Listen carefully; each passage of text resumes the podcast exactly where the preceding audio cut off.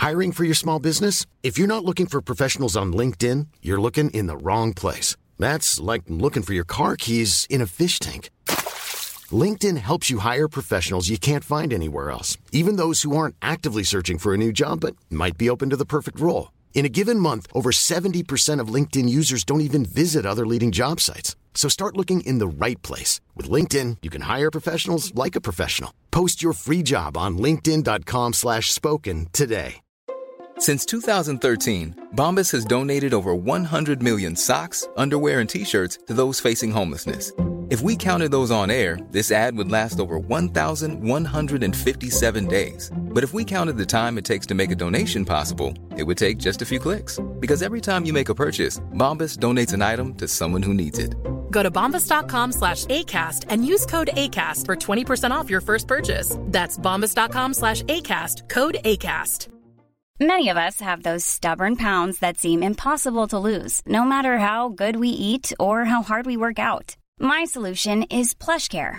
PlushCare is a leading telehealth provider with doctors who are there for you day and night to partner with you in your weight loss journey. They can prescribe FDA-approved weight loss medications like Wagovi and Zepbound for those who qualify. Plus, they accept most insurance plans. To get started, visit plushcare.com slash weight loss. That's plushcare.com slash weight loss.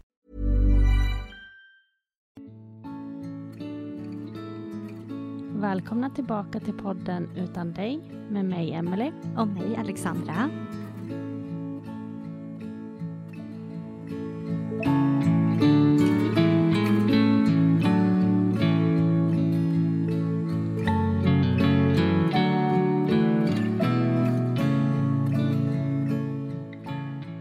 Idag så har vi en gäst som heter Carolina. Välkommen hit. Tack snälla. Vi har bjudit in dig till våran podd för att du ska få prata om din son Noel. Yes.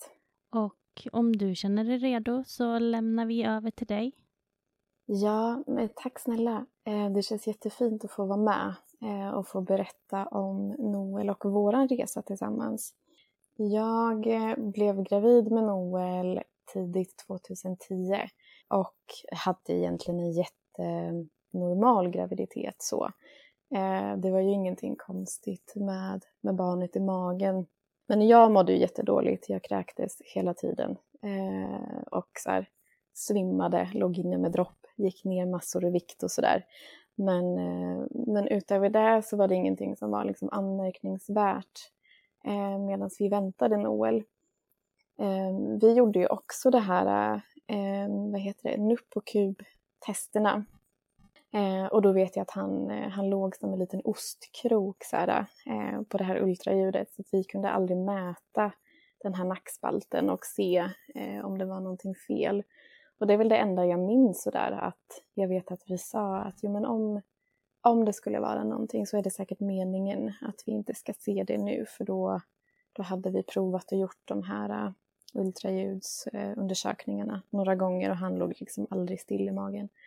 Eh, men annars så fortlöpte det precis som, som man kan förvänta sig av en, en normal graviditet. Så. Och så blev det november och jag gick över tiden ganska länge, 14 dagar. Eh, tänkte att den här bebisen kommer aldrig komma ut. Och jag kunde inte sova för att jag hade jättemycket förverkar och då hade min barnmorska sagt så här, ja men eh, eh åk upp till, eh, till förlossningen om det är så att du inte kan sova så kan du få en sömntablett. Och det gjorde vi för att jag hade varit vaken i nästan ett dygn och hade liksom jätteont. Så vi åkte upp mitt på natten den eh, 21 november 2010. Och in kommer vi och jag är jättetrött och jättefrustrerad för att jag inte har fått sova. Eh, och då hade de ganska lugnt på förlossningen så barnmorskan sa att vi gör en undersökning bara för att se. Och då visade det sig att jag var öppen 5 centimeter så det var ju bara att stanna Oj. kvar och hon var så här, ja, nej, men nu är det dags att föda barn. Eh, och jag kände att jag hade lust att ge henne en smäll för att jag var ju skittrött. Men ja, så blev det, så vi stannade kvar. Eh, jag hade en jättejobbig graviditet men en väldigt lättsam förlossning, vilket jag är tacksam för. Eh, han kom ut och han var väldigt liten, eh, vilket jag påtalade och sa till barnmorskan så här att oj vad liten han är och hon snäste lite så här att ja men bebisar är så här små. Um, och uh, jag tänkte så här, ja men okej, så fick jag ju ha honom kvar på bröstet ett tag. Han var lite så här, lite blå när han kom ut men han skrek ändå, han andades normalt och så. Uh, så att vi fick ha honom kvar på bröstet eh, en stund och liksom allting verkade ganska bra. Inget konstigt, så här. det var ju också en, en normal förlossning eller om man ska säga inga komplikationer eller så. Det som hände sen var väl att de skulle göra de här uh, vanliga kontrollerna eh, som man gör. Man, man lyssnar väl och man eh, ja, men tar temp och sådär. Kollar barnens reflexer eh, och så. Eh, jag tror att vi hade haft honom kanske i två timmar. Eh, ja, men de försöker ta tempen och jag eh, hade precis blivit sydd och sådär så att jag var inte så uppmärksam på vad som hände borta vid det här skötbordet. Ehm, men, men förmodligen så uppstod det väl en situation därför att det som hände var att de inte kunde ta någon temp på Noel för att han hade ingen anal öppning där de kunde ta tempen. Så de ropade väl på någon läkare som kom in och det är lite så här, jag, jag har lite svårt att minnas exakt i vad som hände så. Men det jag minns väldigt tydligt för att det har, har satt eh, liksom ganska starka spår just från den här första tiden eh, är att en läkare kommer in och efter en stund bara liksom vänder sig till mig och Noels pappa och säger så här, vet ni det är något fel på ert barn? Och sen så sa hon inget mer och jag kände ju liksom att marken försvann under fötterna på mig och hade ingen aning om hur jag skulle reagera på det hon sa. Därför att jag var ju med såhär, okej, okay, det är något fel, men menar du att mitt barn är dött? Eller liksom, vad är det som har hänt? Vad är det som är fel? Eh, och vi fick liksom ingen information annat än att de skulle ringa till, till någon annan läkare eller något annat sjukhus. Och sen så är det liksom lite blurrigt eh, den tiden efter. Jag vet att jag gick in och duschade och när jag kom ut så var inte Noel där. Och då hade de eh, eh transporterat ner honom till våran neonatalavdelning på sjukhuset. Eh, och jag och Noels pappa försökte väl i den mån det gick att liksom trösta varandra och vi förstod ju inte riktigt vad som hade hänt. Det var ingen som tog sig tid att sitta och prata med oss eller förklara utförligt heller. Eh, men sen fick vi komma ner till, till Neo. Eh, det här kanske var alltså jag vet inte, men tre, fyra timmar efter att han föddes. Och då när vi kom ner så låg han i en kuvös och han hade ju massa slangar och sladdar och jag trodde ju att han var jag menar alltså verkligen allvarligt sjuk för det var ju så det såg ut. Jag var inte van att se eh, bebisar eller barn med så mycket medicinsk utrustning på sig. Och det var fortfarande ingen som direkt så förklarade vad som hände. Utan det de förklarade var att så här, nu kommer han transporteras till, till Stockholm, till Astrid Lindgrens barnsjukhus och sen så får de informera er eh, om, ja, om vad ert barn har för problem. Lite så. Ehm, så att ja, det kom en ambulans, hämtade honom, så han fick åka ambulansen själv upp till Stockholm utan oss. Ehm, och sen så åkte vi i en taxi upp och det enda vi hade med var ju våran BB-väska typ. Mm. Ehm, och inte så mycket mer. Och sen kom vi upp ganska desori alltså, desorienterade upp till, till Stockholm, hade ingen aning om vart vi skulle. Eh, och kommer ner på, på barnintensiven och där låg ju han uppkopplad med en massa apparater och så här. Och det var väl då jag så här, typ bröt ihop för första gången och kände att så här, vad är det som händer egentligen? För att det var ju nog svårt att ta in att man liksom hade blivit förälder och man hade gått och burit på ett barn i lite mer än nio månader och sen så togs barnet bara ifrån en och man fick ingen information. Och i Stockholm fick vi heller ingen information den första dagen utan de trodde att vårt hemsjukhus hade informerat oss om vad som hände och vad det var som var fel och så. Så det var först dagen efter som vi fick information kring den här missbildningen som han då hade, eh, som heter analatresi. Det är ungefär 35 barn per år som föds med den här eh, missbildningen och vi hade ju liksom ingen koll på vad det innebar. Men då satte sig i alla fall en kirurg ner och förklarade för oss vad som var fel och vad som skulle hända. Att han skulle opereras för det. Och det var väl lite där liksom hela våran karusell började. För när ett barn föds med den typen av missbildning så tar man också massa andra prover samtidigt. Eh, så man kollar olika kromosomavvikelser och om man möjligen har, har andra sjukdomar eller andra diagnoser då så att man ska kunna hitta vad det beror på. Och det gjorde de ju på Noel också. Eh, så vi fick ju väldigt mycket information den första veckan. Han opererades ju för sin anallatresi när han var två dagar. Och sen så var vi på, eh, på barnintensiven i, ja, men kanske tre, fyra dagar i alla fall. Så det var liksom vårt startskott på, på en eh, ganska lång sjukhusvistelse med honom när han var nyfödd. Till saken hörde också så att han, han hade ganska eh, litet könsorgan så vi visste inte från början om han var en kille eller tjej så det var de också tvungna att, att kolla upp och liksom ta DNA-prover och så här. Under den här tiden på, på barnintensiven, de här första dagarna så, eh, så mötte jag ett par fantastiska människor och jag vill gärna berätta om dem därför att de har verkligen format min inställning till eh, att ta emot Noel och acceptera honom för vem, för vem han är. Och eh, det ena är en sjuksköterska som, som heter Pernilla som jobbar på BIVA. Ehm, och jag vågar säga hennes namn för jag har sagt till henne att ibland så pratar jag om henne när jag föreläser. Och hon gav en liten så här nalle som ser ut som en ängel till Noel de första dagarna eh, på BIVA och var den som eh, gav tillbaka föräldraskapet till mig för jag kände att jag hade blivit lite bestulen på det de första dygnen eftersom att alla pratade lite ovanför huvudet på mig. Eh, vi fick ingen bra information och hon var den som satte sig ner och förklarade vilka apparater som är vad, vad de visar, hur man sondmatar, ehm, hon tog bort den här pressen från mig från att till exempel gå och pumpa ur bröstmjölk utan liksom lä, ja, men det så lugnade både mig och Noels pappa väldigt mycket i, i den här situationen på BIVA som, som ju är en väldigt speciell miljö att vistas i. Sen har jag träffat henne flera gånger efter det på andra, när vi har varit på intensiven senare i Noels liv och hon betyder jättemycket för oss.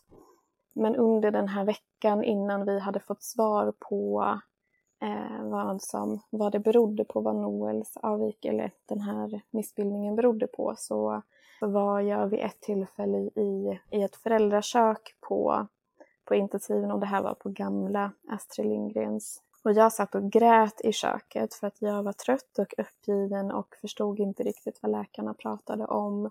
Ja, men mådde väldigt dåligt i den situationen och så här, eh, in i köket kommer en, en, så här, en jätte, vad ska jag säga, en hurtig och glad mamma som hade så här, jättemycket energi och verkade så himla positiv och lugn. Min totala motsats här, och hon kände ju av och såg vart jag var någonstans. Eh, och stannade upp i det och tog sig tid och sa till mig, för vi pratade lite, hon frågade lite kring varför vi var där och eh, Liv frågade lite om, om Noel och så här och då så frågade jag henne så här, ja men hur länge har ni varit här? Och då sa hon så här, men vi har varit här i sju månader och då höll jag på att och sätta i halsen och tänkte så här, hur fan kan man vara så här glad och positiv när man har varit på den här platsen i i sju månader. Och då så sa hon till mig så här och höll, eh, höll om mig och sa att så här, vet du, de här barnen väljer oss av en anledning och din pojke har valt dig av en anledning och ni kommer klara av det här tillsammans. Och det har verkligen satt sig i mitt hjärta och i min själ och jag har burit med mig de orden eh, under alla de här åren med Noel. Och senare den veckan så fick vi ju svar på att Noel hade en jätteovanlig kromosomavvikelse. Eh, jag ska inte gå in så mycket på, på genetiken så, men det kom in en kvinna en fredag eftermiddag eh, och berättade att de hade fått, fått provsvar och att Noel då saknade en liten bit av kromosom 8 Eh, och förmodligen så är han ensam i världen med just sin avvikelse. Det finns de som saknar liknande bitar eh, på den här eh, genetiska armen då, men inte liksom vad man vet någon som saknar exakt likadan. Så att det fanns liksom väldigt, väldigt lite information kring just hans avvikelse. Och vi fick inte så mycket information heller kring vad det innebar. Jag vet att jag tänkte så här, jaha men okej vad innebär det här? Då kommer han inte kunna någonting. Kommer han inte kunna lära sig någonting? Och jag hade ju redan liksom förlorat ett barn på förlossningen och fått ett annat barn där jag hade liksom ingen aning om någonting. Alla de här förväntningarna man hade på hur det är att få barn. Man hade en spjälsäng som var bäddad och klar, vagn och allting sånt hemma. Man hade målat upp en bild av hur det ska vara när man får barn eh, och allt det där hade ju liksom raserats när den här läkaren sa att ja, men det är något fel på ert barn. Ehm, så jag frågade bara henne då den här fredagen så här, okej, okay, men vad, vad innebär det? Vad kommer han kunna liksom? Eh, vad, vad kommer han klara av? Och då så svarar hon bara till mig så här att jag kan inte svara på vad han kommer lära sig. Han får visa er vägen fram. Men allting som han lär sig kommer han alltid att kunna.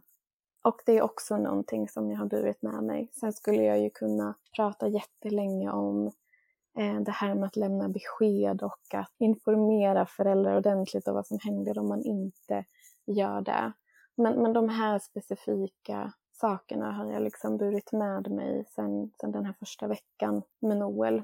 Sen så var det någon läkare mitt i den här veckan. Det kom ju fram att han var en pojke dessutom, så det fick vi också veta. Så då kunde vi ju höra av oss till till, till våra nära och tjejer och säga så att ja, men vi, vi har fått en pojke i alla fall, så, så visste alla det. Men det var någon läkare som sa i förbifarten så här att jo, men han har en blodsjukdom också. Eh, det kan vi se liksom nu när vi har tagit prover. Och sen så, eh, sen så har han ett litet hjärtfel också såg vi på, på röntgen. Men det behöver ni inte tänka på utan det växer nog igen av sig självt. Så här. Jaha, mm. tänkte vi liksom. Och det var ingen som sa något mer eh, direkt om det här. Det var någon som nämnde så här, ja men den här blodsjukdomen kan göra att han behöver lite, lite blodtransfusioner kanske. Men det är ingen fara, det kan man leva med liksom. Så att vi reflekterade nog inte så jättemycket över det, för det var så mycket annat att ta in och han var nyopererad och vi fick komma upp på avdelning och så skulle vi ju lära oss att så här, när man opereras för analartresi så behöver man eh, genomgå någonting som heter sondering och det betyder att man vidgar analöppningen. Så att vi skulle ju lära oss alla de bitarna och man skulle lära sig att typ hantera sondmatning och hålla oss till de här klockslagen. Så det var så mycket fokus på att komma in i alla de här eh, rutinerna som sjukhuset hade. Ja, men så vi, vi tänkte inte så mycket mer på det där lilla hjärtfelet han hade och den här, den här blodsjukdomen. Och sen så kom vi hem till vårt hemsjukhus och installerade oss på neonatalmottagningen och ironiskt nog så bodde vi också kvar på sjukhuset i, i sju månader. Och det gick ju mm. alldeles ypperligt så här i efterhand. Eh, även om jag inte gärna ville tro det de där första dagarna att man klarar av det. Men det gör man ju. Vi, eh, det var så mycket som hände den där första tiden på sjukhuset. Därför att det visade sig att det här eh, lilla hjärtfelet. Han hade, var egentligen två hjärtfel för att han hade en uppåtstående duktus som många barn har. Det är den här fosterförbindelsen eh, som barn har i magen. Den ska ju stängas igen när man liksom föds. Den stod öppen på nål fortfarande. Och sen så föddes han med en, en VSD så att han hade ett, eh, ett jättestort hål egentligen i förmaket på hjärtat, vilket kom att påverka hans hälsa jätte, jättemycket. Och det som blev komplext i det här från början var att hans blodsjukdom också ställde till det eh, när det gällde andningen och hjärtat. Han föddes med en blodsjukdom som heter sferocytos och det betyder att hans benmärg producerar bara sfäriska blodkroppar så att de går sönder eh, mycket lättare i blodomloppet. Och jag skulle vilja påstå att de allra flesta som har den sjukdomen behöver eh, regelbundna blodtransfusioner, i alla fall till en början. Sen är ju inte jag någon läkare, men för att förklara i alla fall. Eh, Noel behövde blod till en början var fjärde till sjätte vecka när han var liten. Ja, så att man fick försöka hitta en balans i alla de här beskeden och i den här första ganska turbulenta tiden. Att också lära känna sitt barn, lära känna sig själv som förälder och också det här ansvaret som medföljer med alla sjukdomar och att få ett barn som ja, men faktiskt inte är som man har tänkt sig från början. Eh, någonstans hinna sörja det fast samtidigt vara mitt i alla de här sakerna man måste lära sig. Så jag satt på nätterna och pluggade hans diagnoser. För att jag ville inte känna att läkarna pratade över huvudet på mig. Utan jag ville vara delaktig och jag ville veta vad som hände i hans kropp och på vilket sätt jag kunde hjälpa honom. Så det roade jag mig medan jag hade vak på honom på nätterna. Så hände det ju liksom massa grejer den här första tiden. Eh, och det är viktigt för mig att berätta liksom de sakerna för att man ska kunna förstå varför Noel blev så sjuk sen. Um, han, när han var fyra månader så uh, fick han ett ja, rotavirus, så här, magsjukevirus. Uh, och det var jättesvårt att balansera därför att han led av hjärtsvikt på grund av hans hjärtfel. Uh, och vi väntade på att få tid ner i Lund för att han skulle operera sitt hjärta. Och det dröjde jättemycket för att de hade olika krav på vikt och så på Noel och han kräktes upp all mat, eh, var ständigt sjuk och det var jättesvårt att få i honom näring och samtidigt då behandla hans hjärtsvikt för att eh, man behöver ge vätskedrivande för att hjärtat inte ska bli överbelastat.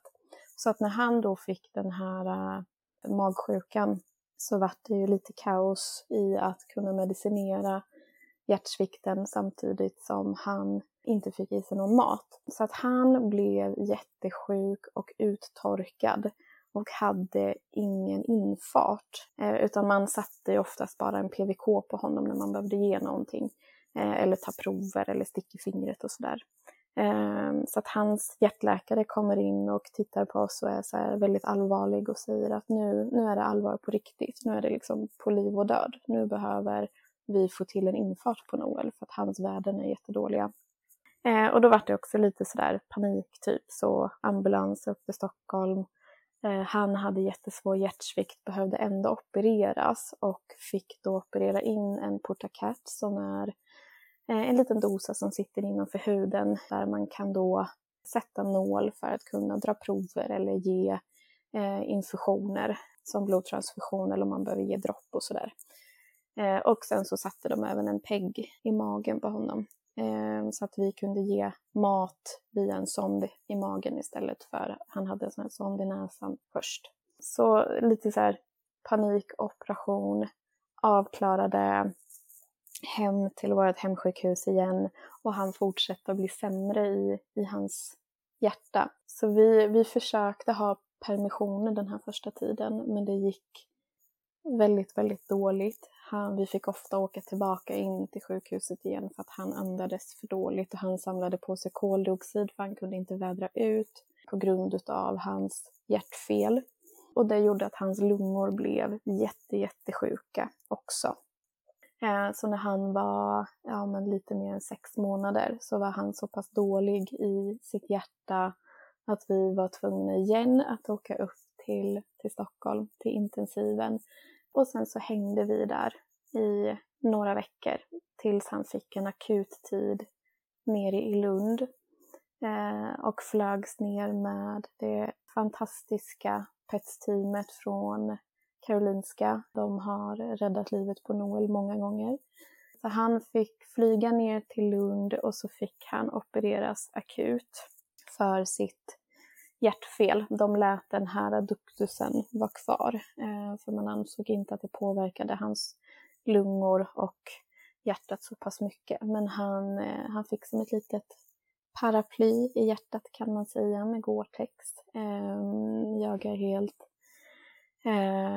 vad heter det, amazed. Jag vet inte vad det är på svenska. Ni får hjälpa mig. Imponerad? Ja men exakt. Över tekniken man kan använda och att man kan mm. operera så små barn som man kan. Den där hjärtoperationen var ju liksom hela vändningen för oss.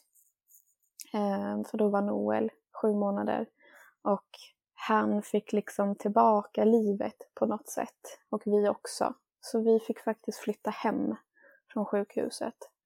Eh, han var fortfarande tvungen att ha syrgas för att hans lungor var jättesjuka. Antingen för att han hade en medfödd lungsjukdom, vilket man, man tror, men också för att de tog så stor skada av hans hjärtsvikt. Eh, men då fick vi flytta hem och sen så bodde vi hemma och jag vill minnas att det var en jättefin tid i livet. För att då fick vi liksom lära känna honom för vem han var och så fick vi liksom börja utforska den vägen, vem Noel var och vad han tyckte om. Eh, känna på liksom hur det är att vara föräldrar hemma utan att någon övervakar en eller kommer in var tredje timme med mat och sådär. Det var jättefint att få komma hem och liksom gå ut och gå med barnvagnen för första gången på sju månader, för det hade vi inte gjort liksom. Ja, och kort därefter så kom ju lillebror.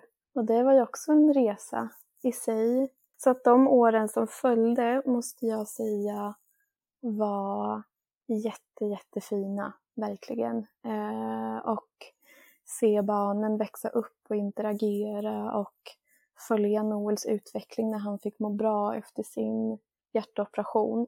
Eh, sen hade han väldigt mycket problem liksom med, med sina lungor, jätteinfektionskänslig och behövde ju givetvis då blod ofta på grund av hans blodsjukdom. Och det behövde han mer frekvent när han var sjuk, när han hade infektioner och sådär. Vi levde ju liksom för oss ett väldigt vanligt liv måste jag säga. Trots Noels eh, funktionsvariation och trots hans sjukdomar så känner jag att vi hade en extremt hög livskvalitet och det var så himla fint att få att få liksom ta ett kliv in ur sjukhusvärlden och den bubblan, även om man liksom åkte in och ut på sjukhuset ibland, men, men att, att så få ta ett kliv in i Noels värld och få leva i den och se den ur hans perspektiv med hans ögon för att han, han var alltid här och nu. När han eh, lekte med sina leksaker eller tittade på sin diskolampa så var det liksom det enda, det enda som fanns och det var tillräckligt stort. Så han hade alltid en sån otroligt hög livskvalitet och vi fick, fick vara i det med honom. Eh, och lillebror har också fått växa upp med det. Vi har varit väldigt, väldigt tajta hela tiden. Och också fint så för andra, alltså familjemedlemmar också, att få vara med Noel i hemmamiljö. Så. Var Noel fortfarande liten i storlek? Ja. Ja, det sa jag inte ens. För du sa att han var liten när han föddes. Precis. Ja, men åh, det glömde jag säga. Eh, vilken schysst återkoppling. Alltså, Nej men han var 43 lång då, eller kort. Eh, mm. och vägde 2365 och då var ju han fullgången. Jag hade gått mm. över två veckor med honom. Men ja, så han var väldigt liten. Jättejätteliten. Ja, och det, han fortsatte ju vara liten. Alltså lillebrorsan växte ju om honom sen. Eh, det gjorde ju inte honom någonting. Men jag, alltså, tillväxthämning är ju en del av den här kromosomavvikelsen. Så att han var väldigt liten. Och liksom, väldigt, ja, men som, som när han var liten bebis så hade han ju väldigt trångt eh, men i näsan och svalget och så här. Så att visst påverkade hans avvikelse hans utveckling både fysiologiskt och kognitivt. så. Mm. Han hade ju definitivt en intellektuell funktionsnedsättning, autism och eh, lite gott och blandat brukar jag säga därför att jag är inte så, eh, så noga med vilka diagnoser han hade eftersom att jag släppte det efter ett tag eh, mm. och såg Noel för Noel. Man, det där är en, en jättelång process eh, vilket givetvis är subjektivt då, men att, att hitta acceptans och att anpassa sig in i någonting som man inte hade förväntat sig. Men jag vet att jag så här, någon gång kände att okej, okay, men jag gick förbi så här, någon förskola och kände att okej, okay, men mitt barn kommer ju aldrig kunna göra det här eller kommer aldrig göra det här eller så här.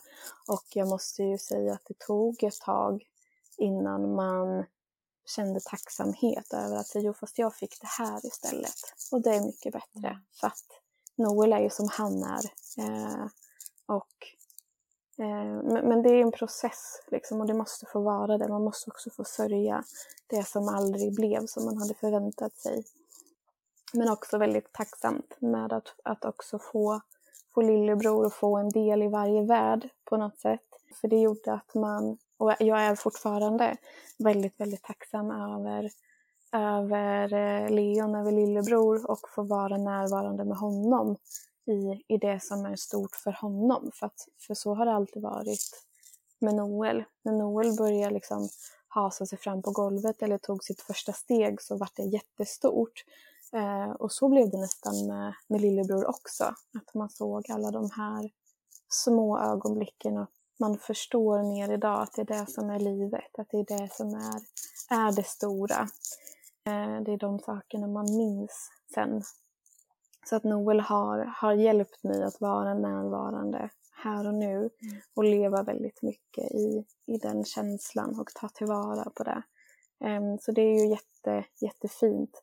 Sen så är livet väldigt speciellt. Den här funkisvärlden, sjukhusbubblan och allt det. Det är ju allt annat än, än bara vackert och att slåss mot eh, men myndigheter och andra instanser, att behöva kämpa för sitt barns rättigheter och att ens barn ska få ha så god livskvalitet som möjligt. Att ha ett barn med funktionsvariation och som är svårt sjukt är en börda många gånger och det är för att mitt barns livskvalitet är så beroende av vad jag som förälder klarar av. Och det ansvaret kan ibland kännas väldigt betungande. Därför att man vill ju sina barns bästa i alla mm. lägen. Liksom. Men jag vill ändå säga att jag tycker att vi har haft eh, väldigt, väldigt fina år. Det har varit lite kamp med assistans och sådana saker. Men, men för det mesta så, så har det liksom varit bra.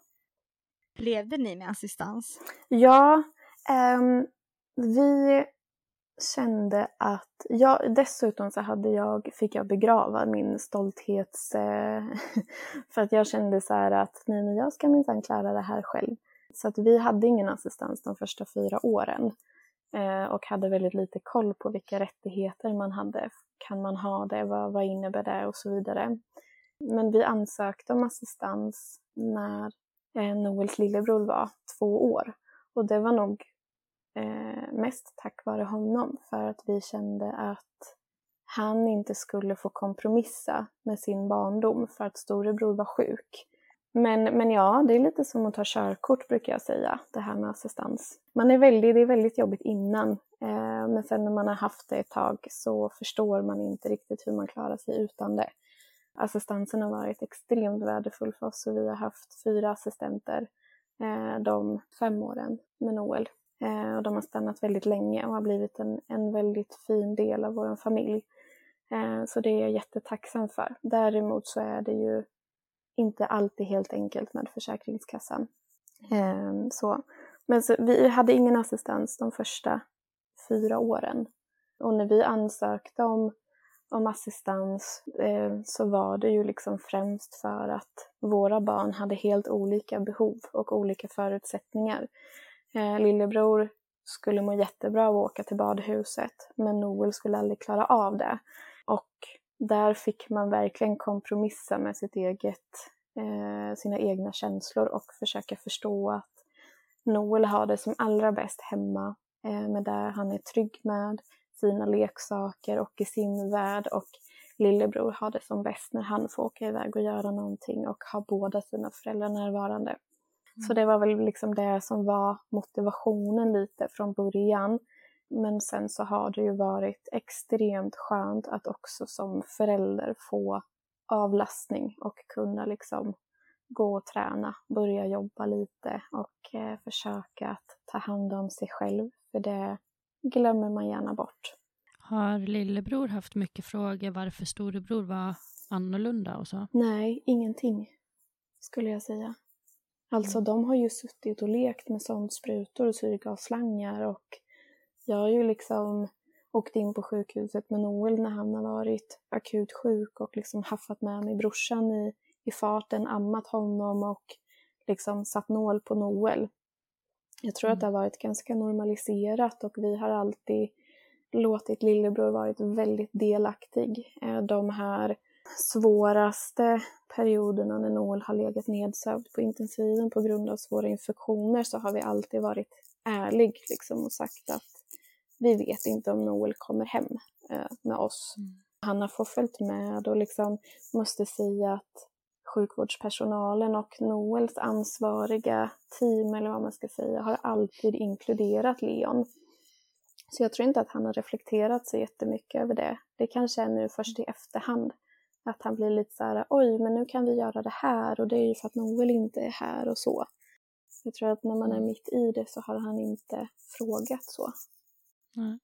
Han har nog snarare varit den som så här, jag vet att, eh, att farmor berättade någon gång eh, när Noel var sjuk att Leon ville förklara väldigt utförligt så här, vad som hände i Noels lungor när han blev sjuk och sådär. Så han har nog, eh, ja, det kanske har varit för att han har varit väldigt, väldigt delaktig i allting. Men på mm. eget initiativ så. Mm. Men det är svårt att ha syskon eh, när man har ett svårt sjukt barn. Eh, därför att man måste alltid prioritera det barnet som är sjukt. Så att eh, det är ju sett ur mitt perspektiv, givetvis. Så att utan att man, man väljer det frivilligt så behöver man prioritera mellan syskonen. Och det är givetvis är jättesvårt som förälder att behöva göra det. Eh, vi hade ett eh, alltså jättefina år. Framför allt liksom, Noel var jättesjuk en gång 2014.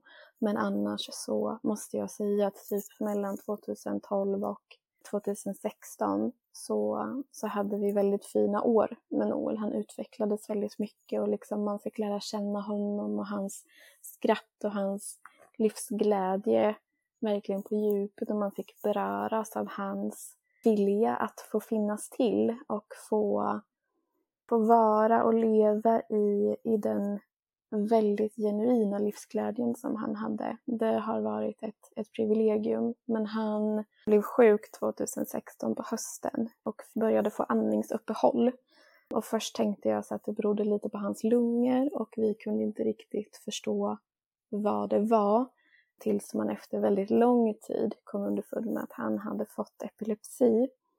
Och jag skulle vilja påstå att det tillsammans med att han blev sämre i sin blodsjukdom och i sina lungor förändrade liksom spelreglerna lite grann skulle jag vilja säga därför att vi hade levt väldigt avslappnat och ändå visste att Noel var infektionskänslig och blev väldigt sjuk men övervägande, den livsglädjen man hade vägde liksom alltid tyngre. Men han fick sin epilepsi så, så ändrades vardagen på något sätt. Och hans epilepsi tydde sig så att han slutade andas och kunde inte svälja. Eh, och många gånger hade han så långa kramper att man fick påbörja HLR och man fick ringa ambulans och sen så gjorde man inblås och då kanske han aspirerade att han fick ner liksom typ som slem eller så i lungorna och så fick han en lunginflammation och det vart så här, det vart många sjukhusvänder bara på grund av hans epilepsi. Samtidigt som det hände så blev han liksom, han behövde blod oftare än vad han hade behövt innan. Och de här blodtransfusionerna som han fick gjorde att han lagrade på sig järn och järn samlas i, i mjälten som är både reningssystem och en del av kroppens immunförsvar. Kanske får påbackning av någon läkare här, men jag vill minnas att det är så. Och han fick ganska många så här, luftvägsinfektioner och det här gjorde liksom att vi, vi hade mer frekvent kontakt med sjukvården skulle jag säga. Och man såg att hans ferritinvärden då, hans järnvärden, blev ganska höga för att han fick så mycket blod och hade ju fått regelbundna blodtransfusioner sedan han var nyfödd. Och det man pratade om var ju att operera bort mjälten för att stabilisera det här järnvärdet och kunna förhoppningsvis inte behöva ge så många blodtransfusioner. Eller då ge någonting som heter Desferal som är ett, en, en medicin som driver ut järn ur kroppen som man sätter typ subkutant i benet 12 timmar per dygn, ungefär sex dagar i veckan. Och det var de två alternativen som man pratade om. Någonstans däremellan så, så nämnde man så här, eller vi hade en diskussion att eftersom att vi inte vet hur gammal Noel blir så kanske vi ändå kan avvakta trots att de här järnvärdena är ganska höga. Det som kan ske på sikt är att man, man liksom får kroppen sviktar och man kan utveckla diabetes och andra sjukdomar på grund av det här höga järnvärdet. Så vi, liksom, vi la det lite på hyllan därför att vi hade någon diskussion med läkarna där vi sa att ja, men om det är så att Noel ändå inte blir så pass gammal att han kommer upp i den åldern när de här biverkningarna blir som värst på grund av det höga järnvärdet, då kanske det inte är värt att behandla eller värt att operera bort den här mjälten. För att det är för honom som då är ganska skör blir det ändå en ganska omfattande operation. Och man, tar man bort mjälten så tar man också då bort en del av kroppens immunförsvar så att det betyder att man blir ännu mer infektionskänslig. Så att det kändes inte som att vi hade så, alltså några bra alternativ när det kom till hans blodsjukdom. Vi kämpade ju på med hans epilepsi, vilket var ganska svårt. Han krampade väldigt mycket och det försämrade verkligen livskvaliteten. Kanske inte jättemycket för Noel, men för oss andra runt omkring. Vi hade behövt haft dubbelassistans under en period. Och det var svårt så för andra att, att vara med Noel på grund av rädsla, vilket jag förstår. Men vi blev väldigt isolerade som föräldrar. Då hade jag och, och Noels pappa separerat, men det var, det var jobbigt att vara själv med Noel för att de här kramperna var så pass kraftiga och ledde liksom ofta till att man behövde åka till sjukhuset. Så det var svårt att hitta en balans liksom i det. Jag, jag minns att så här, Eh, jag kunde gå till lekparken för att Noel älskade verkligen att gunga och lillebror älskar att spela fotboll. Gå till lekparken var en så bra kompromiss för då kunde jag ha på fart på Noel samtidigt som jag passade boll med Leon. Men, men man kunde liksom aldrig slappna av för att det hände ju liksom titt som tätt att Noel krampade i, i gungan och blev stel och man fick inte ur honom och han kunde krampa i bilen och han kunde krampa när man var liksom satt i vagnen eller man stod och lagade mat och han fick en kramp och då var man tvungen att stänga av allting och liksom hjälpa honom få fria luftvägar och så här. Så att jag skulle vilja säga att det blev svårare när han fick sin epilepsi och i takt med det så fick han ganska många infektioner och ja, men det var små saker. Så här, han skulle sövas för olika grejer och var aldrig liksom riktigt i skick för det. Han hade problem med synen och med öronen och vi fick inte till undersökningar och till slut så kände jag liksom att det var så mycket som inte fungerade så här. Men vi, eh, vi kämpade på försökte hitta liksom någon typ av balans i det här med epilepsin och allting annat. Och sen så förändrades liksom allt december 2018 därför att Noel hade haft en jättejobbig infektion 2014 och låg nedsövd i respirator ganska länge, tre eller fyra veckor. Och då hade han varit så pass dåligt att båda lungorna hade kollapsat och läkarna hade sagt att vi tror inte att han överlever tills imorgon. Så då hade jag ställt in mig på att inte åka hem med honom. Men sen så klarade ju han sig.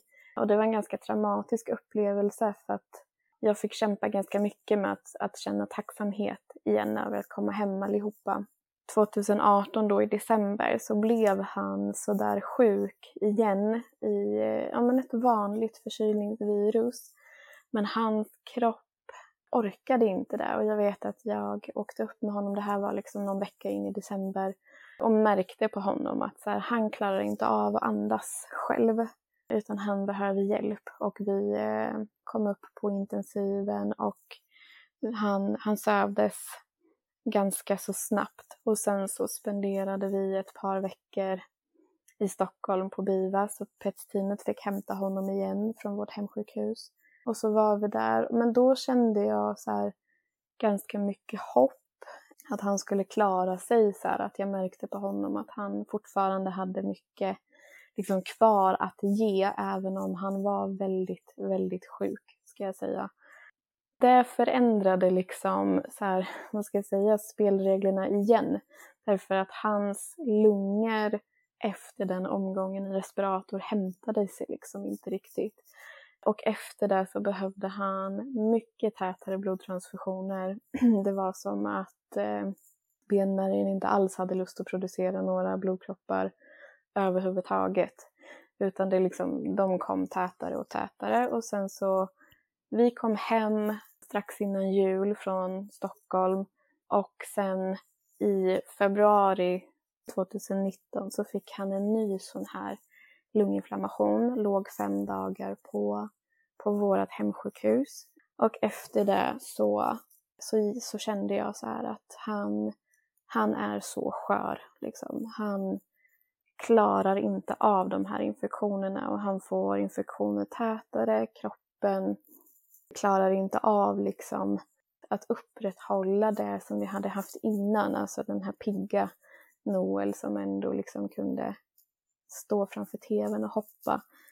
Och då så tog jag två beslut. Dels så sa jag upp mig från mitt jobb för att jag kände att jag tror inte att vi har så mycket tid kvar med varandra. Och då var ju Noel eh, ja, med lite mer än åtta år.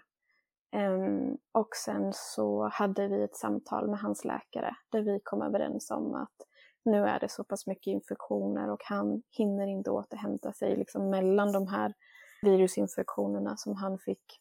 Så att vi, vi bestämde att vi, vi lägger ner det här med att han ska operera bort sin mjälte och alla andra undersökningar och sånt som liksom låg på hög och väntade för att han hade planerade sövningar för att göra rent öronen och han hade massa planerade men så här, besök på sjukhuset. Men det kändes liksom inte viktigt utan det kändes viktigare att han fick vara hemma och göra det som han tyckte om. Och någonstans inom mig så, så kände jag på mig att så här, äh, vi, eh, vi har inte så mycket tid kvar. Och eh, jag tror att det var, var två väldigt, väldigt kloka beslut. För eh, sen så fick han en ny infektion i maj och då blev han ännu sämre än vad han blev i december 2018. Och då kände jag att nej men han, han kommer inte klara det här. Vi kommer inte åka hem med honom liksom. Och var ganska förberedd för att jag hade känt på mig att hans kropp inte höll för, för de här infektionerna. Utan den höll liksom successivt på att ge upp. Och då sövdes han väldigt akut på vårt sjukhus. Det gick väldigt fort den gången.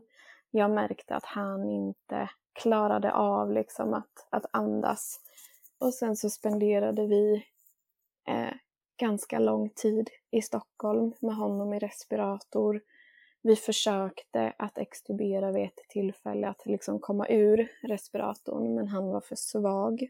Så man var tvungen att intubera honom igen någon timme senare. Och det var väldigt så här, extremt ostabilt. Hans båda lungor var kollapsade, han hade maxhjälp i respirator och man visste liksom inte riktigt så vad man skulle göra och vi pratade om begränsningar så här att ja men om han blir sämre så kan han inte få dialys, vi kan inte lägga ECMO.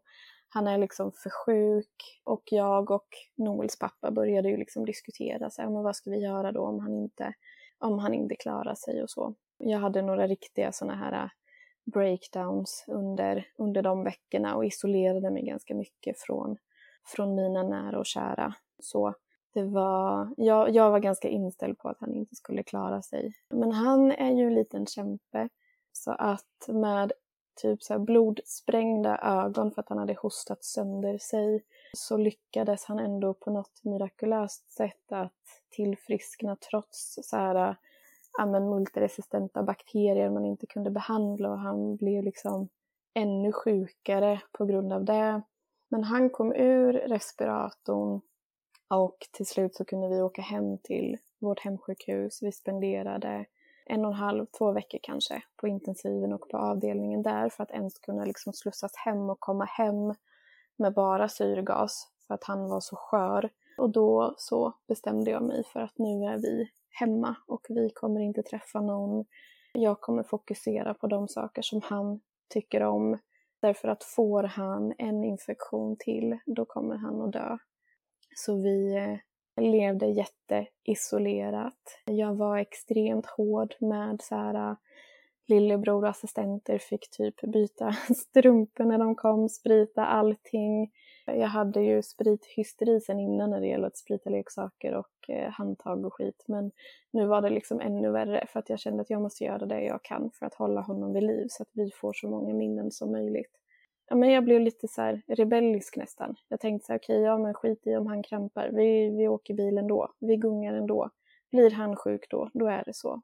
Då är det värt det för att vi gör de sakerna som han, som han älskar och som han vill, för då får han leva fullt ut i alla fall. Och det var ju det han hade gjort innan, emellan alla sjukdomar, så levde han alltid fullt ut.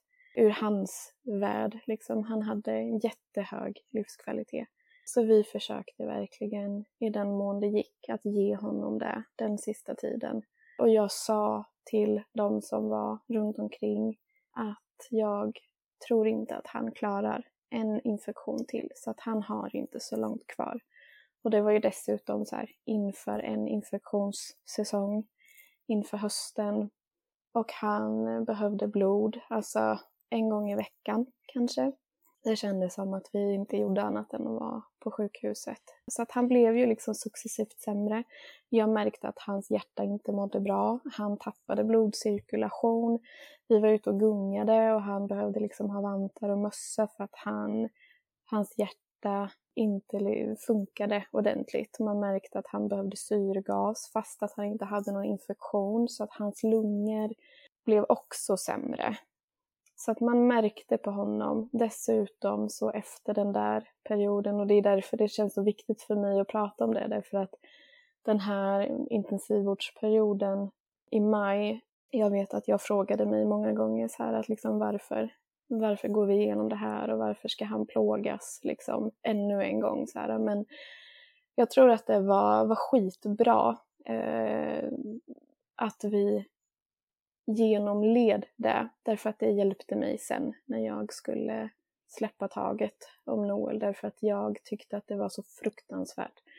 Um, ja, när vi kom hem till vårt hemsjukhus så kände jag så att jag, jag var så trött och sliten och så trött på att han var sjuk och inte fick leva och må bra. Han kunde inte vara Noel. Och um, jag kände vid någon period där, vilket är, viktigt att prata om givetvis för att det är en väldigt speciell situation, men jag kände att så här, jag vet att jag pratade med hans sköterska vid något tillfälle när vi hade kommit hem från Stockholm och han fortfarande behövde så här högflödesgrimma. Ehm, så sa jag så här att jag, jag klarar inte av det här liksom. Han, han, nu får inte Noel vara sig själv och han mår inte bra kan vi, vad kan vi göra liksom? Kan vi ge honom någonting? För att jag, jag står inte ut med det här längre. Och då var hon så nej men så kan man inte göra liksom. Man kan åka hem med högflödesgrim och hon var så positiv och jag kände sen alltså jag kväver honom eller mig själv. Och mm. när jag satt med Noel när han var en liten bebis och var sjuk så sa jag till honom att jag skulle lova honom att den dagen han inte längre fick vara sig själv och inte orkade och visade mig att han inte orkade mer så lovar jag att släppa taget om honom för att han kom till oss för att lära oss någonting värdefullt och meningsfullt och för att få vara sig själv. Och den där sista tiden så kunde inte han vara sig själv fullt ut för att hans kropp var för sjuk. Så att jag märkte att han eh, tappade blodcirkulation, han behövde blod oftare, han behövde syrgas, det hade tagit nästan två, tre månader för honom att klara av att gå efter den här eh, intensivvårdsperioden i maj. Och han var så frustrerad över att han inte klarade av de här sakerna som han hade klarat av innan. Så att jag kände att han tappade så mycket livskvalitet och jag tappade så mycket av hans liksom färgglada själ när han inte fick leva ut. Och så blev lillebror sjuk i december och hade en jätte, jättejobbig hosta. Och då visste jag att eh, får Noel det här nu, då klarar inte han det. Och tre dagar innan julafton så var min pappa på besök och då började Noel att hosta och fick feber. Och då visste jag så här att ja, men nu har ju han fått den infektionen, eller det viruset som Leon precis har haft. Och det här kommer inte sluta bra. Liksom jag kände det på mig. Och eh, dagen innan julafton så var vi uppe på sjukhuset och Noel fick blod och han hade feber och var jättehostig och jätterosslig och så här. Klarade inte riktigt av att ventilera. Men vi valde ändå att åka hem och vi hade lite så här julavslutning med hans assistenter. Eh, som för övrigt, måste säga, alla hans assistenter är de absolut finaste människorna eh, man kan få ha i det sammanhanget. Eh, de ligger mig så varmt om hjärtat. Men vi hade avslutning med dem och sen så tog Noels pappa med sig eh, Leon hem till sig och jag var kvar hemma med Noel för han hade somnat på grund av sin feber förmodligen. Han var jättetrött. Så jag la mig bredvid honom, det här var på eftermiddagen eh, den 23 och låg där bredvid honom tills han vaknade. Och sen så satt vi i soffan en lång stund eh, och han hade en hostattack eh, som var väldigt jobbig så jag hade packat så här, min sedvanliga sjukhusväska med grejer så att den var förberedd för att jag förstod att här, vi kommer inte klara av att vara hemma. Det är bara en tidsfråga innan jag behöver ringa en ambulans. Men så tog han eh, mina händer och ville gå iväg. Och så ledde han mig, så här, för han klarade inte av att gå själv, alltså många steg. Men höll man i honom så kunde han så här, visa vart han skulle. Eh, så han tog mina händer och sen så gick han in i sitt rum och ville sitta där och leka med sina leksaker eh, med diskolampan igång. Och då stod jag i köket och tittade på honom och då vet jag att jag tänkte så här att det här, det här är sista gången som han sitter i sitt rum och leker. Vi kommer behöva åka till sjukhuset och jag kommer inte ha med mig honom hem sen.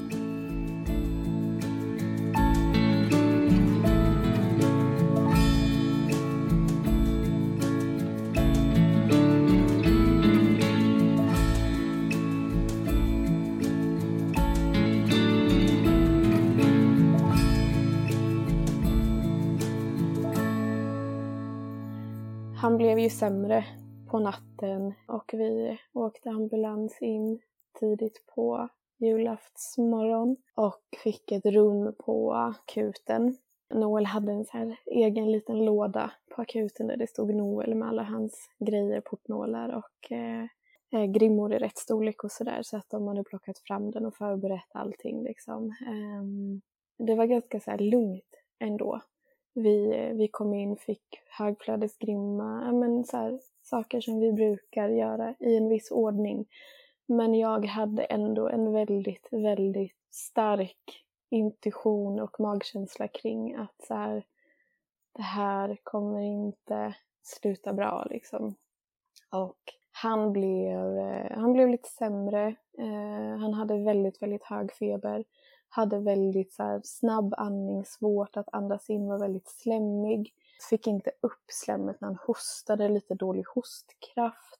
Och jag kände så här att nej men vad fan, vi måste ju typ prata med, eh, med IVA ifall att han ska sövas. Så narkosläkarna kom ner från intensiven och vi stod och pratade och då så sa jag bara så här, jag tror inte att det, att det går att söva honom. Eh, och så frågade de varför och jag förklarade för att Noels mage var väldigt, väldigt uppblåst på grund av att hans mjälte var så förstorad på grund av det här höga järnvärdet och så vidare.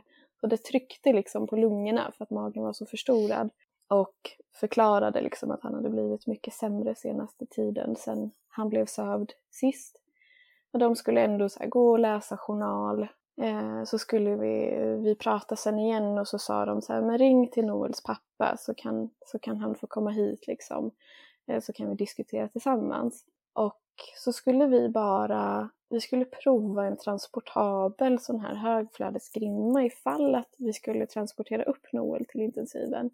Och grejen var att den här apparaten funkade inte. Och när vi då kopplade över och skulle prova så blev Noel utan luften ja, men en kort stund, kanske 30 sekunder max, en minut. Eh, och det gjorde att han sjönk extremt mycket i syresättning. Vi hade ju som saturationsmätare på honom som mätte då puls och syresättning i blodet.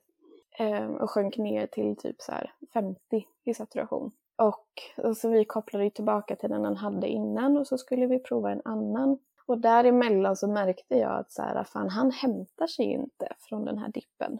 Så vi fick höja upp liksom både alltså lufttrycket då på högflödesgrimman och syrgasen. Han hade haft 50% på syrgas innan och vi fick höja upp till 80% Och så upprepades det här en gång till för vi skulle prova en annan transportabel då högflödesgrimma och det, då, då liksom hände samma grej igen. Att här, den funkade inte heller och han dippade sådär mycket. Och efter det så blev han liksom, han hämtade sig verkligen inte ifrån det. Utan han, han blev mycket sämre, jättetrött och slö, orkade typ inte andas in ordentligt. Och i den vevan så hade jag ringt min partner och förklarat att så här, så här är läget och jag hade ringt till Noels pappa och bett honom komma. Eh, så han var på väg. Och när han kom så satte vi oss ner i ett rum med fem läkare och diskuterade hur vi skulle göra. Eh, för att Noel klarade inte av den här korta stunden utan luft. Och när man söver så behöver man ändå ha några förutsättningar för att kunna vara utan luft en liten stund medan man för ner tuben. Så här, och jag kände att han, jag vet inte om han klarar det. Liksom. Och läkarna kände ju att det är inte så medicinskt försvarbart att söva någon i det skicket. Liksom, för att det, man kanske söver honom men, men tjänar in någon dag. Eller så kollapsar lungorna helt de här sekunderna man är utan luft. Det var ett långt samtal och ett jättetufft samtal och vi bröt väl ihop båda två när vi förstod att, så här, att ja, men det är ingen idé. Och jag kände att så här, fast nu, nu är vi där. Vid, vid slutet liksom att vi måste, vi måste bestämma oss för att det är upp till Noel. Och ställde sådana här sjukt obekväma frågor och man har ingen aning om sånt för det är inget man går och funderar på. Jag hade förberett mig med massa praktiska saker. Man ska anmäla sig hit och dit när, när ett barn går bort och sådana här grejer och prata med chefer och hade förberett sms och massa sådana saker. Men man, jag hade ju liksom ingen aning om vad händer då när ens barn ska somna in. Hur, hur fan gör man det liksom? Jag vill ju inte att han ska lida för att han inte får luft. Och så förklarar de lite så att man kan ge mediciner och lugnande och så. Men var ändå så här väldigt sparsamma i att eh, vi får se. Eh, vad, det kan ju vara så att han hämtar sig och så. Så vi fick i alla fall ett rum på barnavdelningen eh, där vi ju känner oss som hemma. Och eh, jag tror inte att det är tur utan jag tror att det var ämnat att bli så. Men det dygnet när vi låg inlagda så arbetade bara de här extremt fantastiska människorna som hade hand om Noel när han låg på neo. De kom på hans dop och de har varit engagerade i honom sedan han föddes. Och många av dem jobbade det dygnet som han somnade in. Så en av dem satt med oss på natten sen.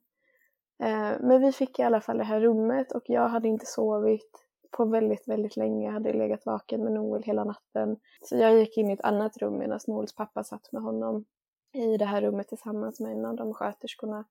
Och så slumnade jag till en liten stund. Jag hade ställt klockan för att jag kände att jag kan inte sova för länge. Liksom. Jag har ingen aning om vad som händer, om han klarar natten eller inte. Och jag tror att man hoppades in i det sista att så här, eh, han skulle klara sig eller att så här, men vi kanske söver honom i alla fall. Även om man rationellt kanske förstår att eh, det inte kommer gå så hänger känslorna inte riktigt med. Men jag vaknade av mig själv och kände att någonting var fel. Så jag gick in i det andra rummet och då hade Noel en så här jätte, jättejobbig hostattack. Och när jag kom in i rummet så vi har ju alltid levt väldigt mycket i symbios känslomässigt, jag och Noel, och har varit tajta sen han liksom låg i magen. Eh, och han tittade på mig när jag kom in i rummet och jag tittade på honom och det var som att han sa till mig så att fast mamma det, det är okej. Jag orkar inte mer nu. Och jag eh, såg på saturationsmätaren att han hade jättedålig eh, syresättning och det var jättekämpigt för honom. Han hade lufthunger och hade så här dödsångest i blicken verkligen. Och så gick jag fram till honom och till Noels pappa, kramade på Noel och sen så såg jag på saturationsmätaren att den var liksom nere i typ 40, dippade ner till 30 liksom när den inte fick upp slemmet där i halsen. Eh, jag la handen på, på Noels pappa och så sa jag så här att du förstår att vi är här nu där vi behöver släppa taget om honom. Och då bröt han ihop och jag med. Och så, så sa vi att ni får be läkarna komma hit. Liksom. Och så ringde sköterskorna på läkarna som kom in och så sa jag det att vi, vi kommer inte kunna söva honom för att han, han är för skör och jag vill inte att han ska lida. Så då hämtade de en massa medicin, eh, lugnande och smärtstillande eh, och gav honom lugnande och sen så satte jag mig med honom i famnen. Eh, och vi hade ingen aning om den här processen. Jag satte på musik i bakgrunden eh, och jag satt med honom i famnen och gungade honom precis som vi alltid gjorde när han skulle sova. Eh, och ibland när det kändes som att han hade ångest eller liksom inte fick luft eller så här, fick panik så sa jag till och då fick han mer medicin. Och vi satt där och grät tillsammans och förstod att så här, han, han kommer inte klara det här utan nu kommer han få somna in. Eh, och det var vid något tillfälle på natten som jag pratade med läkaren och fick panik så här, för att han hade så låg syresättning och sa typ att så här, fast det är ju vi som, som dödar honom, han får ju ingen chans för vi ger ju honom medicin liksom. Och det var väl ett så här, sista panik att jag kände att tänk om vi, tänk om vi dödar honom nu för att vi ger honom lugnande liksom. Men hon, eh, hon lugnade mig och sa att har man haft så här låg syresättning så lång tid så, eh, så klarar man sig inte. Så jag bytte med, med Noels pappa och gick på toa en snabbis och när jag kommer ut från toaletten, jag var inte inne där länge, alltså max en minut kanske. Eh, och när jag kommer ut, för att han hade haft ganska hög puls under tiden, och när jag kommer ut från toaletten så säger ena sköterskan till mig så att nu måste du skynda dig för att nu, nu är, det, är det nära liksom. Och då tittade jag på den här um, saturationsmätaren och då hade hans puls gått från kanske 170 till typ 40.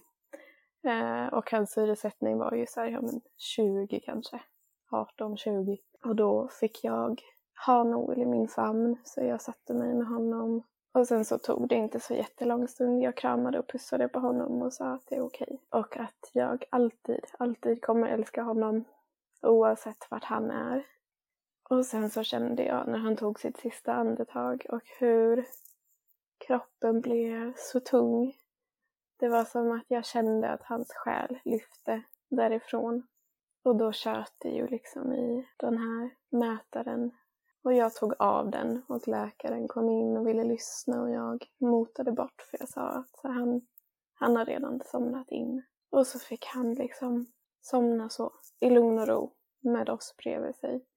Och i allt det här svåra i att vara där när ens barn somnar in så måste jag ändå säga att det kändes väldigt fint att det blev just så. Att det inte blev liksom i respirator eller på ett annat sjukhus eller vi fick vara närvarande med honom och vi hade eh, de absolut finaste människorna runt omkring oss. Så det var ändå fint att det blev just så. Men det är det absolut svåraste som jag har gjort.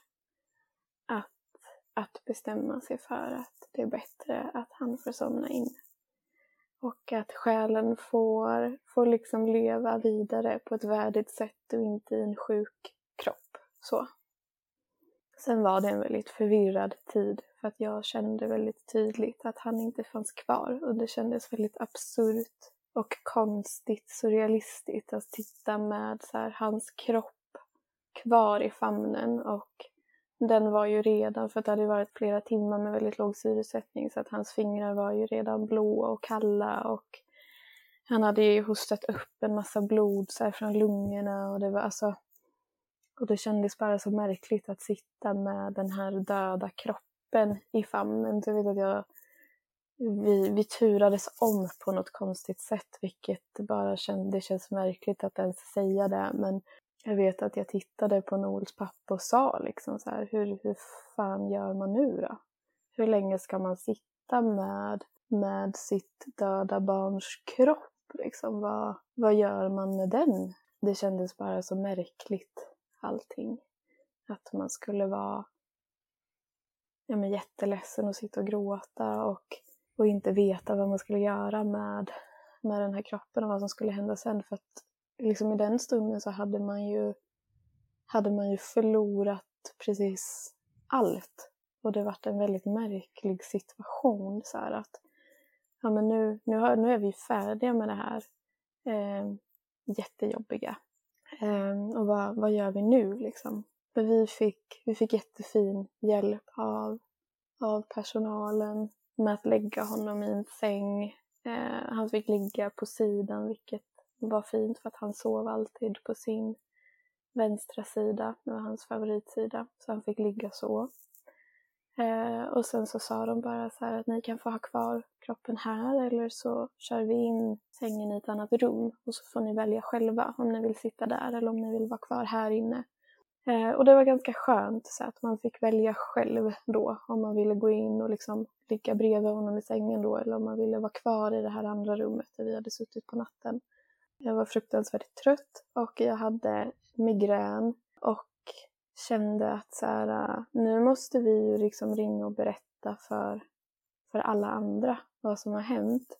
Och de hade ju bara tänkt att Noel var liksom lite förkyld. Vi hade inte hört av oss till någon annan förutom respektive sambos partners. Så. Eh, och det var nog kanske det tyngsta av allt, så här, äh, att ringa och berätta. Jag ringde min partner Martin först, eh, som är den absolut finaste människan jag känner eh, och har varit och är ett sådant oerhört fint stöd i allting. Sen så ringde jag nog Noels assistent Linda som är som en syster för mig. Och det var nog kanske det tuffaste samtalet och hon hade jättesvårt att tro på vad jag sa. Jag ringde min, min bästa vän eh, och till henne så sa jag ingenting utan jag var bara tyst. Eh, och då så frågade hon mig så här, vad, har det hänt någonting? Då så sa jag bara ja och då började hon gråta för då förstod hon också.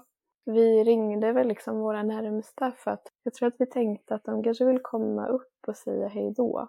Så här att det är ju sånt man gör eh, när någon dör. Liksom. Eh, det var jättefint. Jag hade inte velat haft någon annan där än Noels pappa. Det var våran stund. Vi var där när Noel föddes och vi har gått igenom det här tillsammans. Så det var jättefint att få sitta där tillsammans när Noel somnade in. Det var också jätte, jätteskönt att få stöd på plats av ens närmsta familj och vänner som kom. De släppte liksom allt så här på juldagen och bara kom upp på sjukhuset det tyngsta var nog så att, att gå in i det här rummet tillsammans med, med Martin, min partner, och, och med Linda, Noels assistent. Eh, det var svårt. Men man liksom, man är ju i det och möter det, det tunga tillsammans på något sätt. Hjälps åt i det. Det lättade ju liksom lite eftersom att jag hade migrän och eh, Martin och Linda satt och tittade liksom på mitt min, mitt döda barn kära och jag satt och hulkade och kräktes på toaletten bakom i samma rum. Vilket gjorde att vi till slut satt och skrattade där inne. Så att någonstans så, så letar sig liksom humorn och glädjen in och underlättar sorgen på något sätt. Jag vet inte om ni har, har upplevt det. Jo, då, man känner igen vad du berättar. Mm. Mm. Eh, vilket är skönt, för jag tror inte att man liksom överlever om inte sorgen portioneras ut på något sätt. Jag tror att det kanske är bra att man blir chockad eh, som någon försvarsmekanism eh, och att man liksom får förstå i små portioner så här, vad som har hänt. vi var kvar till eftermiddagen och sen lämnade vi Noel på sjukhuset och gick ut. Och det var jag och, och Martin och Noels pappa och hans bror. Och det var så fint liksom för att vi är olika men liksom inte i samma familj och olika familjekonstellationer och allt det här men på något sätt det var samma sak när Noel föddes och nu när han gick bort så på något sätt så sammansvetsas alla i, i de här starka känslorna. Och det kändes liksom tryggare att gå därifrån och vi, vi hade ändå varandra i det på något sätt. Så det var fint så här, ändå. Men tungt givetvis. Och sen så efterföljer ju liksom så många praktikaliteter och så mycket man ska hantera och bearbeta och vara i. Allt ifrån begravning och gravsten och sorgeprocess. Så vi hade, jag skulle flytta och förlorade mitt jobb och det är så här med Noel när man har assistent så är det liksom ett helt team som försvinner. Så det var så många känslomässiga saker som, eh, som tog upp kanske den riktiga tiden som man hade behövt lägga på att bara sörja och förstå. Det är ju väldigt konstigt att gå från att ha full kontroll i princip eller så här, ha ett, en vardag med sitt barn även om det liksom är hemma man har ett fullt friskt barn och det händer någonting eller om man liksom lever på sjukhus. Men när, när man ändå, alltså att gå från att ha varandra till att helt plötsligt inte ha det är en oerhört svår känsla att ta in. Ja, verkligen. Ja.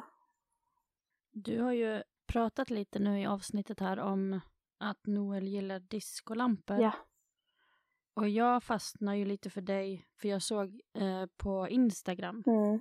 Hur Noels gravsten såg ut. Det var egentligen så jag liksom hittade dig. Mm. Vill du berätta lite om den? ja, han älskade verkligen discolampor. Han, som jag sa tidigare, var ju, hade lite autistiska drag. Det var tvungen att vara på ett speciellt sätt och han lekte enligt ett speciellt mönster. Han eh, blev jättedistraherad och kunde inte leka i sitt rum om inte diskolampan var igång. Och han älskade saker som blinkade. Tv-dosor som blinkade eller liksom starka lysen, mycket färger. Så den där diskolampan har liksom följt efter oss. Och det var jättesvårt att hitta en gravsten. Jag snöade in mig på helt fel gravsten och tänkte att men det här ska vi ha. Och så kändes inte det rätt och så fick jag panik och vart så här, vi ska inte ha någon gravsten alls, jag skiter i det här. Men fick hjälp i att så här, äh, påminna mig själv om att ja, men, när jag tänker på Noel så tänker jag ju liksom på när han sitter i sitt rum med sina leksaker och har diskolampan igång. Så eh, vi eh, skissade upp en diskokula. Så nu, nu står den där under en väldigt lummig, vacker björk och ser ut som en, en diskokula med massa olika färger. Och så står det på hans gravsten eh, den största gåvan, för att det är han verkligen fortfarande har lärt mig så mycket om livet och vad som är meningsfullt. Eh, så han kommer för alltid bli den största gåvan. Så det är fint att det får stå där och att man ser den här färgglada diskokulan för den, den representerar och återspeglar honom så mycket, hur färgglad han var. Så det är fint. Mm. Ja, den är jättefin. Mm. Ja, verkligen. Hur har ni gjort med alla hans saker? Han älskade badleksaker, typ pingviner, fiskar, eh, från typ så här Rättstart tror jag märket heter. Det var hans favoriter. Han hade hur mycket badleksaker som helst och stapelklossar gillade han och spelkort, alltså inplastade kortlekar liksom. Så att på hans begravning så hade vi ställt upp en diskokula och vi målade för övrigt hans kista i orange med ett stort lejon på. Jag ville inte att den skulle vara vit. Kändes inte som Noel. Och så la vi liksom så här äh, ljusslingor, alltså med olika färger runt och diskolampan var igång. Och sen så äh, fick, tog vi alla hans badleksaker som han hade hemma och så fick alla ta varsin eh, badleksak när de kom in till begravningen eh, istället för en blomma. Och så fick alla när de skulle ta farväl lägga en badleksak på kistan istället för ja, men en ros eller så. Så alla de leksakerna, förutom några jag har sparat, så här, fick ju följa med ner i, i kistan sen vi valde att, att kremera honom. Um, så att de, alla leksaker liksom som stod, som var, betydde mycket för honom fick följa med. Sen så gav vi bort eh, till typ kompisar så att deras barn leker med, med Noels leksaker, vilket är jättefint. Jag var nog ganska snabb med att liksom typ rensa hans rum eller vad man ska säga. Sen har jag sparat vissa grejer som betyder väldigt mycket. Men annars så leks det nog med Noels grejer. Vissa oöppnade saker eller saker som var väldigt så här, ja, men pussel och vissa stapelklossar så här, som knappt var använda skänkte vi till sjukhuset och så. Men annars känns det fint liksom att andra barn får, får leka med hans grejer. Det jag skulle vilja ha sagt egentligen är så att mm. möta någon i sorg kan vara oerhört svårt därför att man själv inte vet hur man ska hantera en sån känsla. Jag hade själv velat haft kanske mer stöd från familj och vänner. Och jag tror att så här, äh, man ger det man kan utifrån de förutsättningar man har känslomässigt att möta någon annan. Men jag vill påminna om att så här, äh, vi är fortfarande de vi var innan vi förlorade våra barn. Och det finaste man kan göra är att bara vara närvarande. Alltså man kan vara tyst och hålla om. Det, det, att, att stötta någon som är i sorg är ingen praktisk, ingen stor sak. Men känslomässigt så behöver man bara förstå att, att känslor är övergående och att ibland så räcker det verkligen med att krama om eller skriva jag finns här för dig. Det är okej att vara ledsen, det är okej att må dåligt den här känslan kommer också gå över. Eh, och medan du är i den så finns jag här för dig. Jag tror att det är någonting man kan bära med sig. Man behöver inte komplicera till det, utan man, man kan bara visa att man är där. Och inte första tiden bara, liksom, utan även sen. Jag har ju fortfarande förlorat mitt barn och kan vara lika ledsen idag som jag var precis när han gick bort. Mm. Mm. Jätteviktigt och jättefint. Tack så jättemycket för att vi har fått höra om Noel. Tack själva för att jag fick berätta.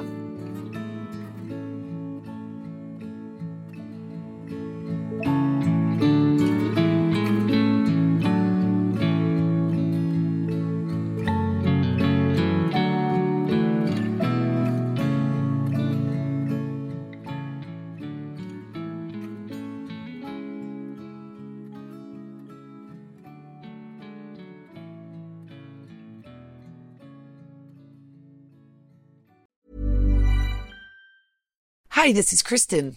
And this is Jen from My Mom So Hard. And we're here to talk about By Heart. Do you remember when you were nursing and you were like, I want to give the best thing I can to my baby? Well, we've got that for you. It's called By Heart, and it is a infant nutrition company built from the ground up to deliver real innovation on behalf of babies and parents. Curious about By Heart? Redeem your welcome offer at byheart.com slash podcast with code MOMS20 for a limited time.